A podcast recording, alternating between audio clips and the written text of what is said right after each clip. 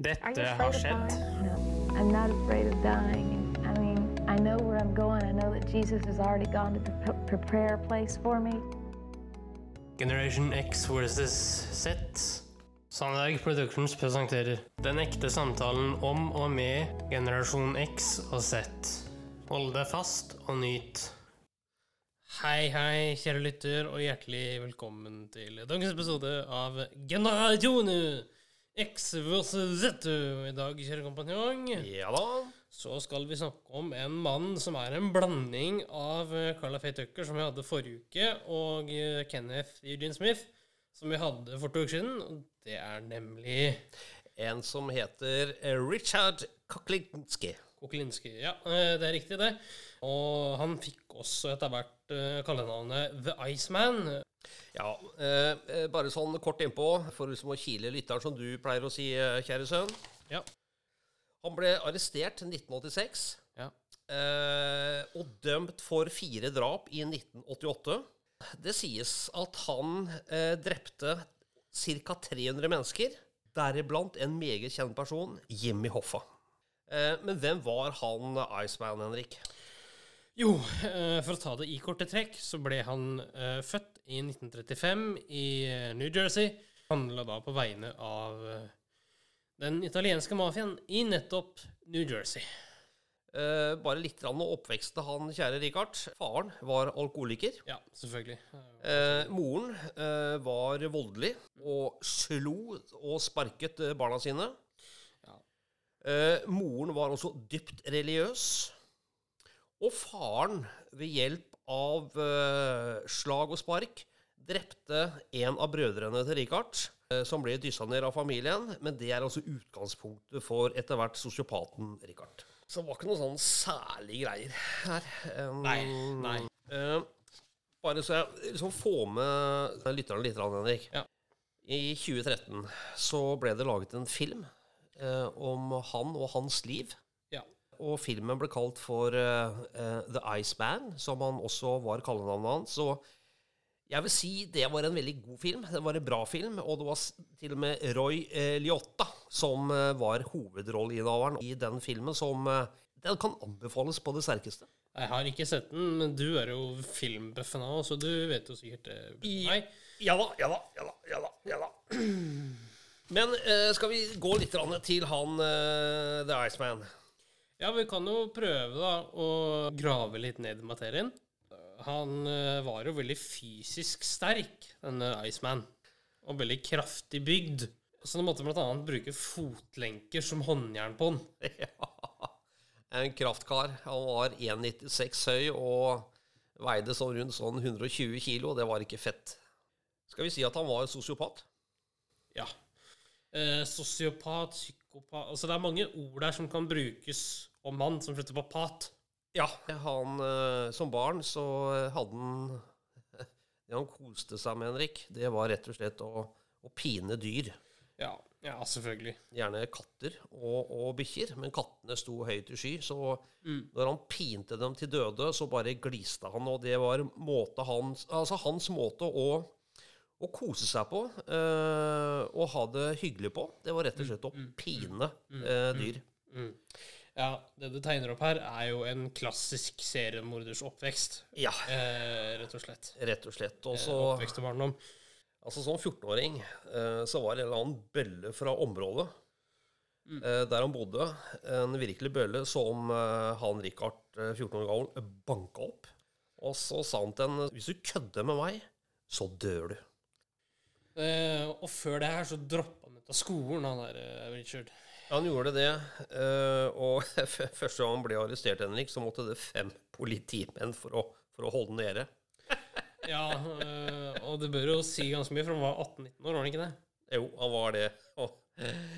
Han ble jo, eh, ble jo mafiaens hitman. Og det som var med han, Henrik han, bestil, altså, han drepte ikke bare på bestilling, Nei. men han, når han ble litt sånn smålig irritert på folk, så hadde han en tendens til å, å drepe dem. Fordi han, han likte dem bare ikke. Mm. Og det var ofte litt sånn tilfeldige folk også. Men han var dyktig på det han gjorde, da. Ja, Han skjulte sine spor. ja, han var ikke dum. Nei. Og det man kan si også, er at han ble gift 1961. Fikk tre barn.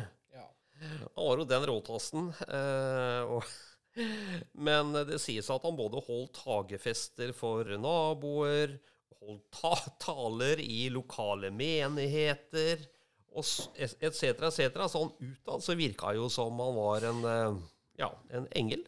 Ja. Det vi skal uh, høre på, det er en Ja. klipp fra en annen pod som heter 'Verdens verste'. Det er to, to gutta boys. Jo, det er en tidligere lærer uh, ved navn uh, Fredrik Sjåstadnes og en komiker ved navn Bjørn Henning Ødegaard. Nyt tilværelsen.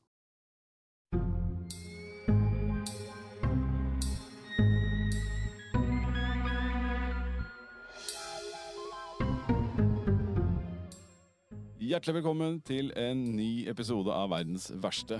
I dag skal vi videre da til en, eh, en fyr som eh, vi er fascinert av. Vi kan ikke si noe annet enn det. Det er en Richard Kuklinski. Ja, han er selve definisjonen på en bjønn. Ja. Eh, Det er bare å sjekke bilder. Han er enorm! Han er en diger, han er en diger fyr, altså. Og i denne podkasten her så handler det da om at vi lager en toppliste.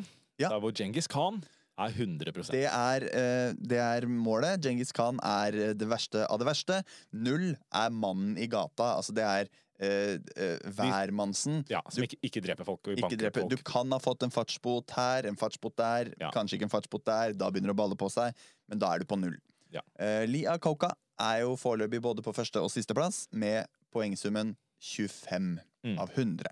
Så får vi se da hvordan Richard Kuklinski gjorde det. Vi starter 11. april 1935 i New Jersey.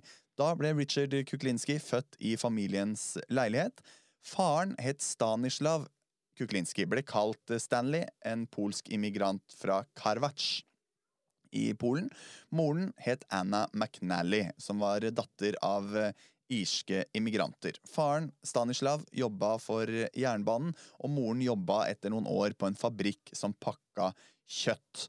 Eh, Richard hadde en blytung start på livet, for det var ikke, det var ikke god stemning hjemme i det huset der. Nei, det kan man vel si at det ikke var. Eh, vokste opp i et ekstremt voldelig hjem. Ble ofte slått og banka av faren, som også var en eh, svoren alkoholiker.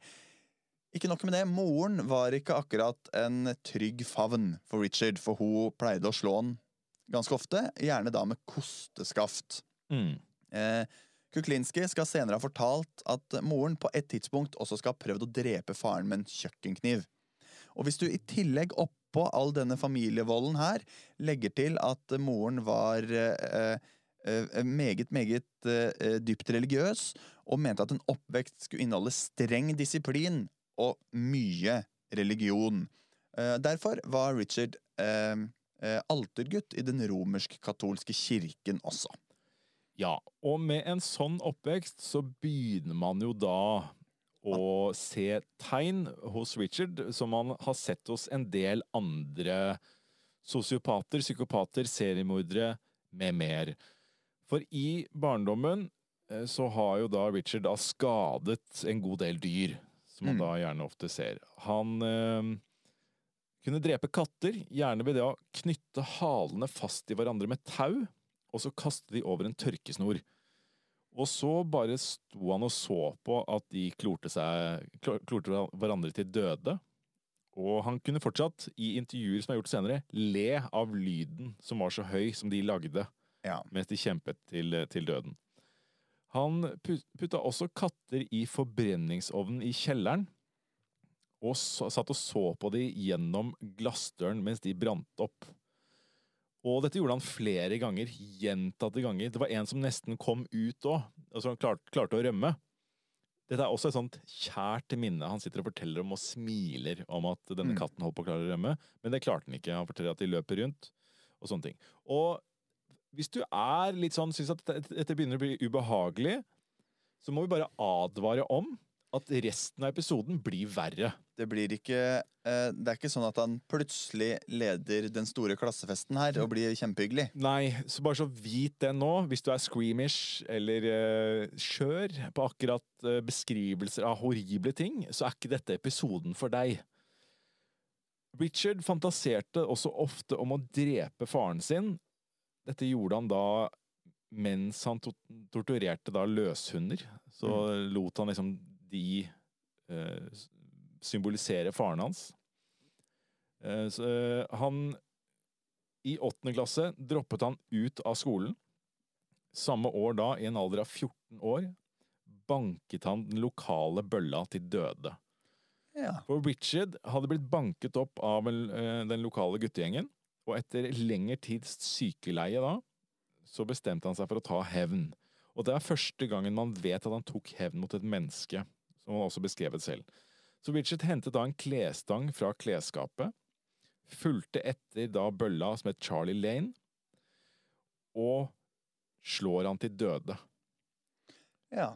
I ettertid sa Kuklinski at han følte anger i en liten periode over at denne gutten faktisk døde. Men så gikk det over til en følelse at han var sånn eh, litt sånn euforisk i det at kødder du med meg, så dør du. Ja, ikke sant? Og han kom i den tankesettet om at eh, nice guys finish last, for han hadde vært en snill fyr, og hadde blitt mobbet mye for å være polsk og for å være høy, og for foreldrene var alkoholikere, eller faren var alkis, osv. så- videre. Så han banket også da opp resten av guttegjengen, som hadde banket han opp denne gangen eh, der. Ja. Ja. Eh, For å sette dere litt inn i familieforholdene, med unntak av mor og far, så hadde Richard eh, tre brødre. Den eldre broren, Florian, døde som åtteåring etter skader påført av faren. Ja. Det familien gjorde da, var at de løy til politiet og sa at Florian hadde falt ned, falt ned trappa.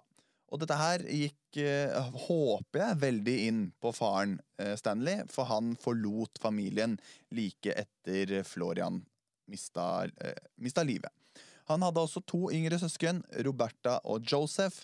Og Joseph blei dømt for voldtekt og drap av en tolv år gammel jente i 1970. Og det han gjorde, var at han kasta henne ned fra en fem etasjer høy bygning. Så allerede her snakker vi jo om en Det er jo ikke akkurat eller, Det er jo ikke kjernefamilien, dette her. Nei. Det er, ikke en, det er ikke en herlig familie. Og det er tydelig at de to guttene i familien her som har blitt utsatt for vold eh, tidlig, og har hatt genene til mor og far, tydelig, tydelig nå eh, fra veldig tidlig alder viser eh, veldig mange tegn på at det kommer til å gå skikkelig, skikkelig, skikkelig gærent. Mm. For det Joseph kaster jo da denne tolv år gamle jenta utover, eh, ut av denne bygningen. Han kaster også hunden hennes levende ut av denne bygningen her. Og det er det som gjør at de finner henne, fordi de hører eh, Forbipasserende hører ynkingen til denne hunden, og de løper til og finner denne jenta død. Og da finner politiet han ganske fort med en gang, for han er fortsatt eh, i nærheten av takene. Mm. Så i 1961 så møtte Richard sin kommende kone Barbara, mens han fortsatt da var sammen med sin første kone Linda og hadde to sønner med Linda. Og selv om Barbara da mente at det gikk litt fort frem, for han var jo allerede gift og så videre, så sa hun kanskje vi skal ta det rolig nå, og heller kanskje vurdere å møte andre mennesker til dette her har roet seg. Mm. Da tar Richard og stikker henne i ryggen. Eh, ikke sånn at det går gjennom huden, og det er usikkert om han bruker kniv eller bare stikker henne i ryggen med hånda, men eh, han ytrer da ordene 'du er min', 'du tilhører meg', 'aldri forlat meg', da dreper jeg alle du er glad i. Å ja, ja. Sjarmerende fyr. Det er jo kjempestemning. Og hun tenkte sånn, så bra, tenkte Barbara da. Eh, og de giftet seg og fikk tre barn sammen, og fremsto da som en helt vanlig familie i, i New Jersey. Mm. De levde et velstående liv. Barna gikk på dyre privatskoler. Familien arrangerte grillfester i hagen og reiste på turer til Disneyland i feriene. Og på søndagene var Richard eh, innleder på messe i kirkene. Ja. Eh, og det som er eh, Richard ble jo etter hvert omsider ble han arrestert. Barbara sa jo at hun visste ingenting. Og ekteparet var på vei til frokost da politiet stoppa de for å arrestere Richard. Og det som er Jeg nevnte jo at Richard var en bjønn. Ja. Det tok fem politimenn for å få kontroll på han. Og de endte opp med at de måtte bruke, de måtte bruke fotlenker som håndjern, for de fikk ikke vanlig håndjern rundt håndleddene hans. Nei. Så så svær var uh, Richard Kuklinski. Men det var jo ikke sånn at uh, ekteskapet var en dans på roser, for Barbara visste at Richard kunne bli, bli forbanna. Hun blei ofte banka opp, og på et tidspunkt så blei hun så uh, brutalt banka opp av Richard at hun brakk nesa, og hun hadde, altså, hun hadde blåmerker veldig, veldig ofte. Men mistenkte aldri at Richard var eh, morder. Nei. Noe som jeg bare syns, syns at den setningen han sier når hun prøver å avslutte i starten, at hvis du forlater meg, så dreper jeg alle du kjenner, kunne vært en indikator. Det kunne vært en mistanke der, eh, men Richard hadde holdt på med ulovlige ting ganske, ganske lenge. Eh, men han hadde jo ikke han, han hadde jo minimalt med skolegang. Ja, han slutta i åttende klasse. Ja, så det var få jobber som betalte så godt for Richard Kuklinski. Og ettersom han, han fikk jo barn tidlig, så var han enda mer desperat etter å, etter å tjene penger. Så i 1950-åra så ble, var han jo i ja, rundt eh, Ja, han var rundt 20 år, da. Mm. Så ble han involvert med mafiaen. Og det som skal ha skjedd, var at han skyldte en mann som heter Roy, Roy DeMeo penger. Og da DeMeo sendte menn for å banke opp Kuklinski, og selv om de var, de var flere enn Kuklinski, så klarte de ikke helt å få banka han opp. Nei. Som er vanskelig med han som skal ha fotlenker rundt håndleddene. Ja, og det DeMeo han så jo da muligheten for å bruke en mann som Richard til å kreve inn penger.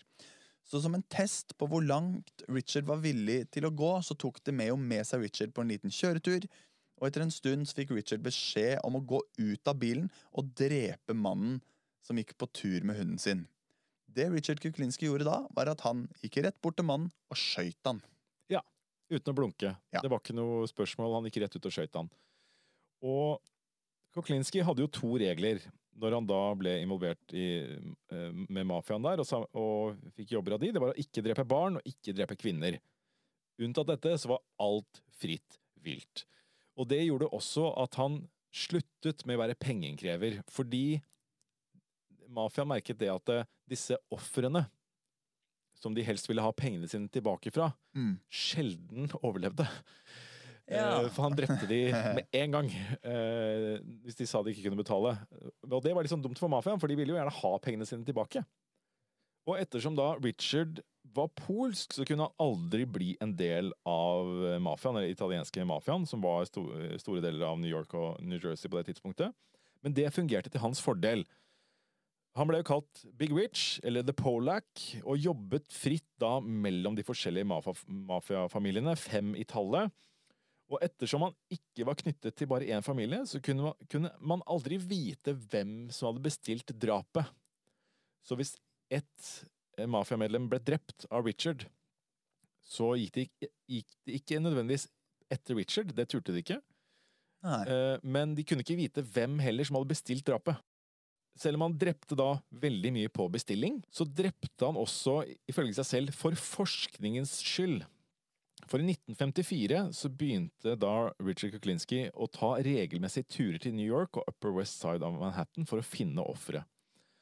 Ofte var ofrene folk som hadde irritert han, andre ganger så drepte han tilfeldig bare for å drepe noen. Metodene varierte. Han skøyt, han knivstakk, han kvalte, brukte nesespray fylt med cyanid. Alt etter hvilket humør han var i, og på den måten fanget ikke politiet opp at det her var snakk om én gjerningsmann. Ettersom det var så mange forskjellige drapsmåter. Ja, og så var vel også eh, eh, Det var delt opp i ulike politidistrikt. Ja. Så han, og, de, siden han, og de samarbeida jo ikke. Nei, selvfølgelig Eh, ikke. så, så siden han reiste rundt og drepte litt her, drepte litt der, drepte litt her, så eh, mistenkte de aldri at det var samme person som hadde gjort eh, ugjerningen. Nei. Og han var også veldig god på å skjule sporene sine, og det var aldri noen vitner. Mm. Og en gang så drepte han en fyr som sto og tisset utenfor en bar, fordi denne mannen hadde irritert Richard. Så det Richard gjorde da, han tok et bit av et tau, tok det rundt halsen til han mannen som sto og tisset. Så vred han på seg sånn at de sto rygg mot rygg, og Richard var jo da mye høyere, så han løftet bare fyren som en sekk bak seg etter halsen, og kvelte han på den måten der, og fortalte selv da, senere i avhør, at jeg kjente at han døde. Å, fy Og så la han bare mannen inntil en konteiner på det utestedet her, gjorde sånn, og det er at jeg børster hendene mine, ja, Som om han var ferdig med å kløyve ved. Ja. og så gikk han bare videre. En annen gang så kastet han en Molotov cocktail inn i en bil med en sovende mann fordi denne mannen hadde irritert han. Og da Molotov cocktail er jo denne flasken full av bensin med tørkle på.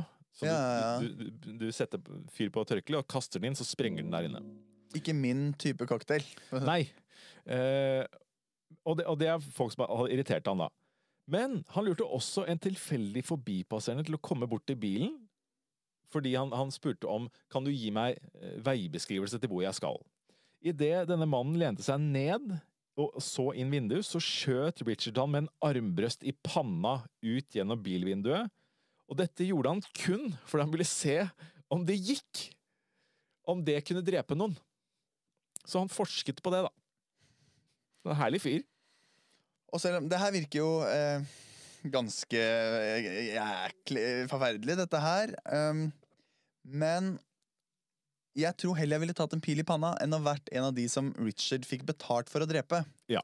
For hvis du eh, trodde han ikke hadde hemninger hva det gjaldt menneskeliv i sin forskning, som han kalte det, så var han eh, altså ekstremt mye verre med ofrene som han fikk penger for å drepe. Om mulig. Ja. Uh, og en gang skal Kuklinski ha gjort seg klar for å drepe en mann. Denne mannen ba på sine knær og trygla for livet, og da sa Richard at ok, du får 30 minutter der du kan be til Gud. Om Gud griper inn, så, uh, uh, så skal du få overleve. Men som Richard selv har sagt, but God never showed up. og det her er en av få ganger der Richard har vist et snev av anger. Ikke mye. Jeg vil si, jeg vil si uh, utheve snev. ja.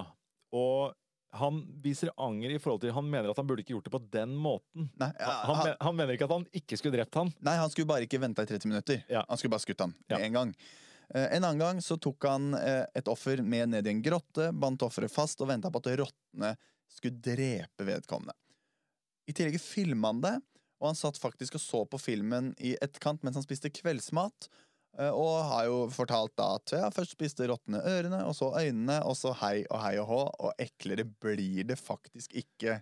Nei. Han tok da ut filmen, så at ungen ikke skulle finne på å se den, for den var i videospilleren. Leverte den da til oppdragsgiveren i mafiaen, og fikk dobbelt betalt, for dette var en såpass grusom handling. Og dette liket har blitt funnet. Det, finnes eh, dokumentasjon på at dette stemte, at dette faktisk eh, stemmer. Dette er helt jævlig. Eh, Et tredje offer fikk tungen skåret av og dyttet opp i, i rumpa før han ble skutt. Eh, han var Altså, han var iskald. Altså, han han, eh, han kunne spise Han kunne ha pizza i ene hånda og øks i andre og partere et, en kropp samtidig, Mm. på en måte. Og han fjerner, ofte uh, fingre og tenner, sånn at de ikke skulle kunne identifiseres. Han smelta kropper i oljetønner, eller la de i biler som han skulle knuse og skrape handleren, eller bare pælma de ut i Hudson River. Ja, Han kunne også sette fra seg da offeret av spesielt da cyanidforgiftning på, på benker i Central Park, der hvor de bare var.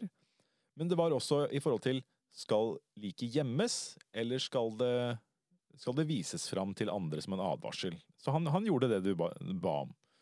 Han kunne også fryse ned likene og dumpe de måneder eller år senere. Og grunnen til at han gjorde dette her, eh, for han, hadde jo et stor lagerbygning der han gjerne lurte folk inn. Der hadde han en sånn industrifryser som var, eh, var på hele tiden. Der hadde han da eh, folk han hadde drept. For dødstidspunktet var da vanskelig å slå fast hvis du har frosset ned et lik rett etter at det hadde dødd, og bare lar det tine. Men en av ofrene som da hadde blitt lurt av Richard til å ha med seg 95 000 dollar i cash på et møte, ble drept og stappet i denne fryseren. Denne mannen ble da funnet to år senere, og når han ble funnet inne i skogen, så skjønte ikke politiet noen ting. For det første hadde mannen på seg de klærne han hadde blitt observert med den dagen han forsvant for to år siden. Mm. Men nå lå han bare midt i skogen. Men obdusenten som obduserte dette liket her, fant da iskrystaller i indre organer og forsto at denne kroppen her har vært fryst ned. Og det var da dette drapet og drapsmannen fikk kallenavnet The Iceman. Som for øvrig også er eh, kallenavnet til Manchester United-spiller Victor Lindeløf. Ja. Jeg bare håper at eh, han har fått Iceman av en annen At det ikke er samme grunn, da. Ja, jeg, jeg regner med at det ikke er samme grunn, men man kan ikke vite. Nei, man kan aldri Men det vite. passer utrolig bra på Richard Kuklinski, fordi han var en iskald morder, og så brukte han også fryser. Det passer bedre på Kuklinski enn Lindeløf. Ja, det gjør det. Ja. det gjør det. En annen ismann uh, var hans, uh, altså Richard sin venn Robert Progney. Han ble kalt Mr. Softy. Det var en Vietnam-veteran og sprengningsekspert som hadde da en liten sånn van som solgte is, og det var softis. Mr. Softy var navnet på denne franchisen der hvor man kunne kjøpe en bil og kjøre rundt med dette navnet på. Ehm, de fikk et veldig, veldig godt vennskap. Og det er jo selvfølgelig noe kjipt med at det er en sånn fyr som dette her, som selger softis til barn. Ja. Men han brukte bilen sin, for Robert var også en leiemorder, så han brukte også bilen sin til å spane områder for om folk var hjemme og, og, og offeret. Og han kunne gi ba barn en softis, og faren en softis med cyanid i. Eh, og dette var da mannen som lærte Richard om cyanid og det å drepe med gift, og de gjorde en rekke sånn murder robberies sammen, som vi beskrev her tidligere. Det at noen måtte møte opp, skulle gjøre en avtale med Richard Kuklinski om å få tak i f.eks. en eller annen medisin i store kvanta, som de kunne selge selv fra sitt eget apotek og tjene utro, utrolig mye penger. Da dukket de opp med mye cash i hånda. Men istedenfor å få noen varer, så ble de bare skutt og stappa i fryseren. Så de gjorde mange av de sammen. Mm. Uh, men ifølge Richard Kuklinski, som, som er hakke sprø selv, så var da Robert Progney, Mr. Softy altså, klin hakke sprø. Den galeste mannen han noen gang har møtt, ifølge Richard. Mm. Og ifølge Wisher så Og hvis en sånn mann kaller deg gal, Ja, da er du gal. da er du gal. Eh, Og ifølge Richard da, så hadde han da visjoner Altså eh, Mr. Softy hadde visjoner om å forgifte vannreservoaret med cyanid. Og det kan godt hende at han var helt sprø. Men skulle han, er det ikke sånn han skulle, han skulle forgifte vannreservoaret for å drepe én familie? Ja, For det var én Ja, så da tar jeg alle. ja alle, alle tusen som drikker av dette vannreservoaret her. Og så kan det også hende at uh, Breezer sier at han var sprø for å forsvare hvorfor han drepte han, men samtidig så har han ikke en historie for å forsvare så veldig mye mer av hvorfor han dreper folk. Men det som skjer, er at Mr. Softy i 1984 blir funnet i bilen sin. Der har han blitt skutt en rekke ganger i hodet og overkroppen. Vi vet at Richard lærte utrolig mye om gift, eh, gift og cyanid og sånn av, av Robert, og det gjorde Richard til en ekstremt effektiv drapmaskin, for cyanid er ekstremt giftig, og Richard ble en ekspert på å drepe med cyanid. Ja, og han gjorde, han gjorde alt, han. For å, hvis han hadde fått en jobb, så skulle han gjennomføre den jobben. Uh, I et tilfelle så var han på en nattklubb. Han brukte flere, flere kvelder på å nærme seg målet, men uten, uten hell. Men så oppdaga han at de homofile på denne nattklubben. De fikk gå uforstyrra rundt fordi eh, ja, på dette tidspunktet var ikke det helt sosialt akseptert. Nei, så man så litt vekk og lot de holde på på en måte for seg selv. Ja, så den siste kvelden så dukka eh, Richard opp i veldig sånn overdådige og flamboyante klær, og var, var en helt Hadde ikke sin egen personlighet. Nei, han latet som han var det som man, man kaller en skrulle. Ja, At han var skrullete. Veldig, veldig utadvendt, og han danser, svinser seg rundt. Eh, eh, bort til målet, skumper inn i målet. To minutter senere så dør altså Det er jo ikke målet som i fotballmålet, det er målet, drapsmålet. Ja. Eh, to minutter etterpå så dør denne personen av hjerteinfarkt. Og på dette tidspunktet så har allerede Richard Han har dansa seg ut i, i gatene og er eh, langt, langt unna. Mm. Eh, og han drepte ikke eh, bare fremmede og folk som han fikk betalt for å drepe. Han drepte også nære, nære venner. Og det er her han begynner å gjøre feil. Ja. For på dette tidspunktet han, han har aldri tatt livet av noen som han kan knyttes til, men idet han begynner å ta livet av folk som har, han har tilknytning til, det er da politiet begynner å snuse litt Ja. at her kan det være. Uh, Roy DeMeo husker vi jo. Han var mannen som tok Richard inn som leiemorder første gang. Han hadde kommet under sterkt press fra politiet, og folk rundt følte på seg at, at okay, han kommer til å bli informant. Noe man, eh, Hvis mafiaen får nyss om det, da er det eh, god kveld og god natt Ja. i stua. Det er det. Og det var det òg. Bare det var ikke god kveld og god natt i stua, det var god kveld og god natt i bagasjerommet på en bil med mange skuddskader, og der hadde han ligget eh, i over en uke. Eh, Richard innrømte ikke drapet, men sier eh, eh, Har jo sagt 'couldn't have happened to a nicer guy', men sier også 'if someone had to die that day, it was a good day for him to die'. Og det sier jo skyldige, tenker jeg. Ja. Eh, en annen er George Malaband, som uh, fikk uh, kjenne The Iceman sitt vrede. Og det her, var, altså det her var den beste vennen Richard hadde. Ja. Og de var partnere flere ulovlige forretninger sammen. Og George hadde en del spillegjeld, og Richard hadde gått god for han. Eh, Men da Richard maste på pengene, sa, så sa George at om han ikke eh, ga seg, så kom George til å skade familien til Richard Kuklinski. Du må jo ikke true mannen som har fotlenker som, som, uh, som håndjern. Og er leiemorder. Du kan ikke gjøre det. Nei. Uh, George, som seg hør og bør, ble skutt fem ganger og funnet i en eh, metalltønne. Og i, i, New, i New Jersey, men på grunn av størrelsen på George, så hadde Richard kutta det ene beinet og lagt det ved siden av tønna. Ja. Eh, ja. Så ikke ikke tru familien hans, ikke skyld han penger, ikke irriter han. Nei. Bare ikke være i nærheten av, eh, av Richard Kuklinski på dette tidspunktet, for han sky, skydde ingen midler. Altså da En julaften, da han satt og skrudde sammen lekene til barna, så reiste han seg opp fra bordet og gikk ut døra. Uh, og Barbara, Barbara visste at ok, de gangene Richard går ut, ikke still spørsmål. Jeg vet ikke hvor han får pengene fra, men han brødfører oss, på en måte. Ja. Ikke still noen spørsmål. Noen timer eh, etterpå så kommer han senere eh, kommer, Nei, han kommer ikke senere, han kommer hjem. Fortsetter å montere leker. I mellomtida da så hadde han dratt uh, ut, funnet en fyr som skyldte han 1600 dollar, skutt han, tatt pengene og dratt hjem for å sette sammen leker igjen. Eh, og, og, og det verste er, eh, Det er kanskje ikke det verste, men den fyren hadde jo 1600 dollar på seg. Men ville ikke gi det til han. Eh, så Du kan ikke ikke gi pengene du skylder til Richard. Du må jo gi det til han. hvis du skylder mafiaen penger, så må du betale tilbake med en gang. Men på 1980-tallet da, så begynte han da å gjøre en del feil, som du har vært inne på her. Og da tre personer i Richards nære omgangskrets døde, så etablerte da ATF en styrke for å ta Kuklinski. Da hadde de han eh, i, i, i kikkerten.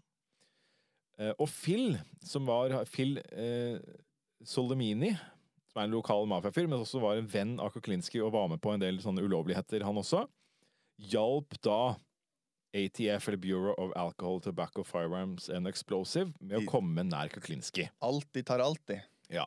Så Phil introduserte da Kuklinski for en mann som heter Dominic Polifrone, som en potensiell kunde og samarbeidspartner.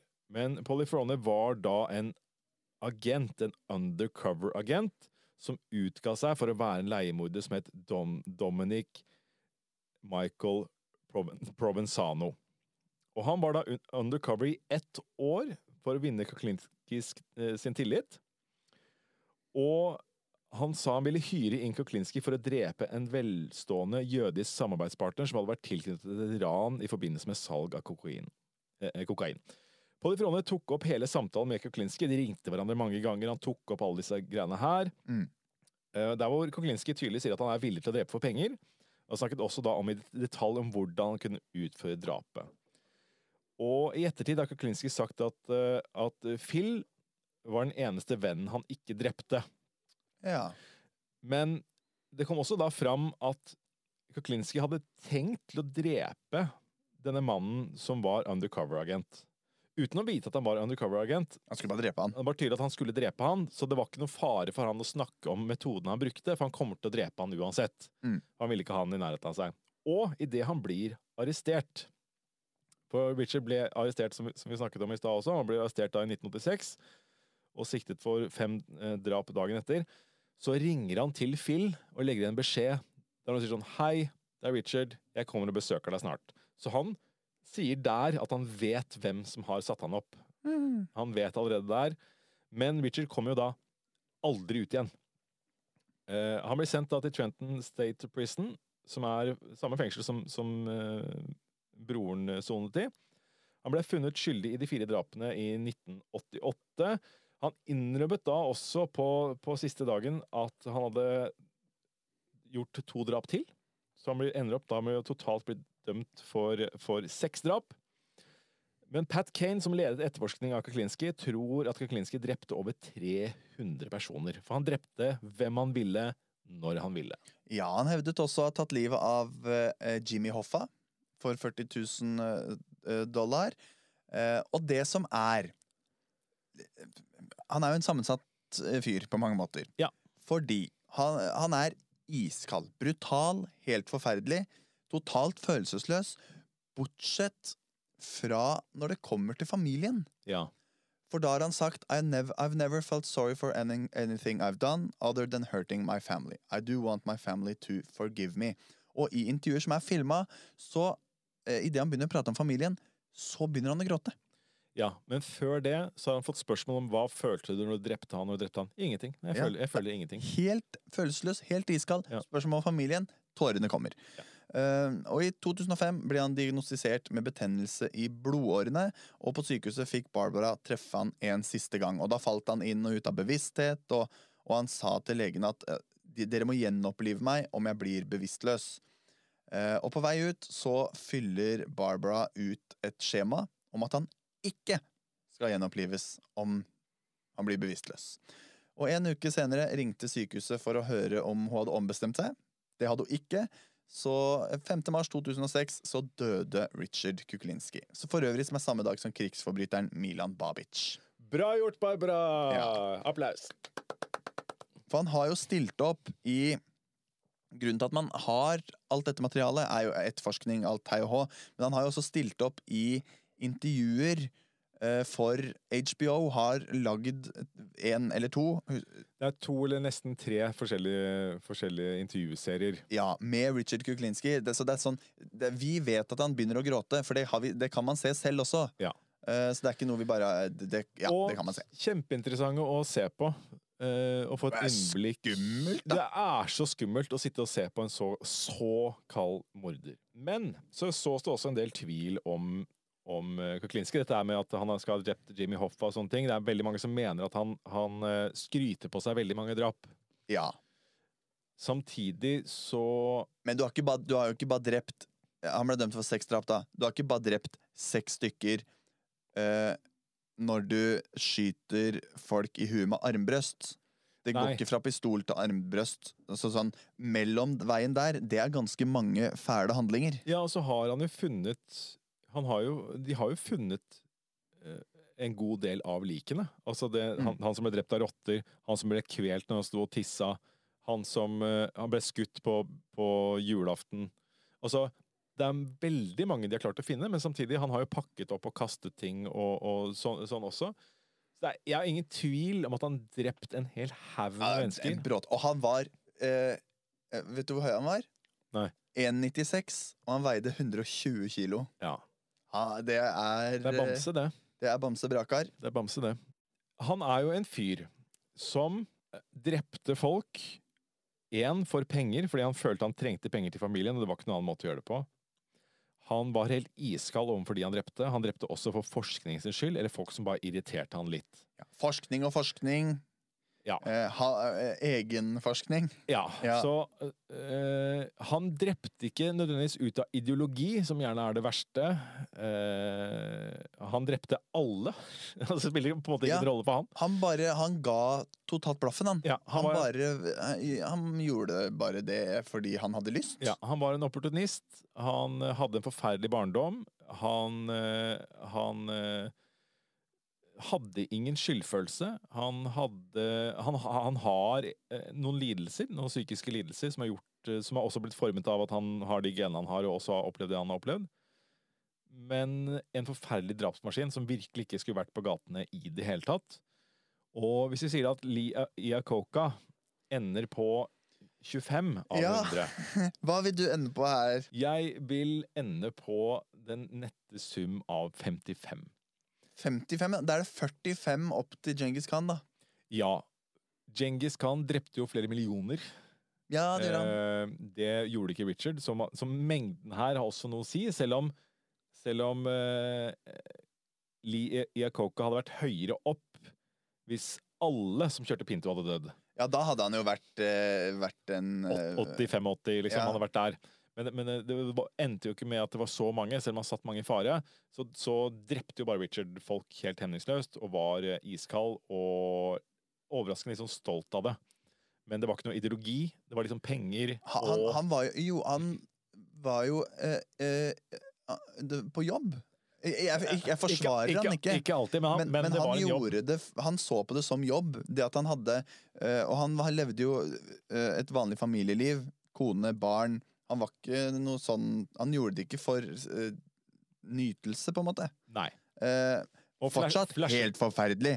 Helt, helt, helt forferdelig. Også, altså, det er jo det Han er sånn skrytete og mener at han skulle hatt den, den øvre delen av fem, five figures, altså fra 50 000 dollar og oppover til 100 000 dollar før han drepte noen. Og hvis han hadde drept av 300 stykker, så skulle han ha tjent mye mer enn det han gjorde i forhold til hvor han bodde og, og sånne ting. Selv om de Mm. hadde Det var en velstående familie. Så, det, det, så han har nok drept for et lavere beløp også, men han har vært sånn skrytete. Det er også en sånn rar ting som er med i dette, den totale beregningen. Men Richard the Iceman Kaklinski, 55 av 100, og, og Jeg kan være med på det. opp i ledelsen Opp i ledelsen. på, på verdens verste. Sjekk. Yes. Henrik, hva syns du om uh, herr uh, Iceman? Ja, en uh, moderne virkelighetens hulk. Ja, det kan man jo trygt si. Jeg har lyst til å balansere, som jeg ofte sier, Henrik, og det er betyr hva for noe? Ja, i dag betyr det noe helt spesielt.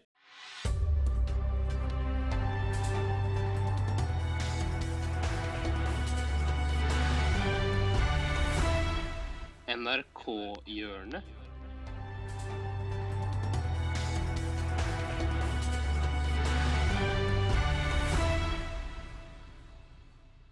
Ja, eh, vi er eh, i NRK-hjørnet, men i dag så skal du ta over etter eget ønske, kjære kompanjong. Ja, Eh, jeg syns det ble litt for mye mas, så jeg tenkte jeg skulle bruke min egen generasjons uh, hiphop-type.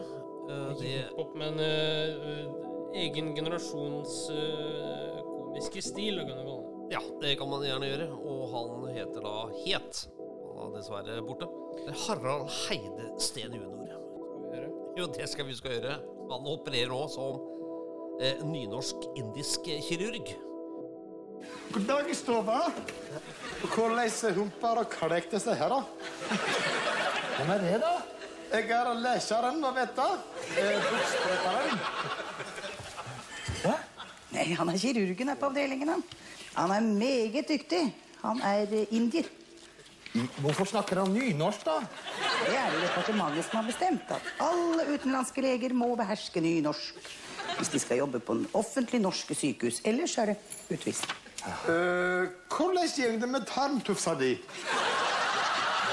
Hva da? Det var det ikke slik at, du, at tarmene dine hadde tufsa seg? Hva gjør han? Dundrer det i vommet. Hva gjør han nå for noe? Det er jo legevisiten. Han må jo få øve seg. Han skal opp til prøve neste uke, han. Skal opp til pru. Han må strøke tre ganger. I kirurgi? Nei, nynorsk. Jeg frågade om det dundrer, om det har ikke dundring og braksing i vommet. Nei, bare litt putring.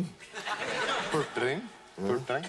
Putring, putring, putring, putring. Um, putring, putring, putring, putring, putring, putring. Ah, putring! Putring, ja, ja. Hvor ofte putrer den? Jaha, det kan godt putre litt mer. Um, uh, og hvordan er blodtrykket, søster? Det er helt normalt. Det er normalt. Uh, og rævapinna? uh, hva syner rævapinna? Eh, 37,2. Takk, hva gildt, hva gildt. Man må sutte om hug og om syt og om sut før denne kyklingen her, så at det ikke vet noe attåtplunder. Hæ? Hva, hva er det for noe? Er det farlig? Nei, jeg tror attåtplunder betyr komplikasjoner. Eh, har du kjent noe her i nyrene eller dalstrøkka innafor?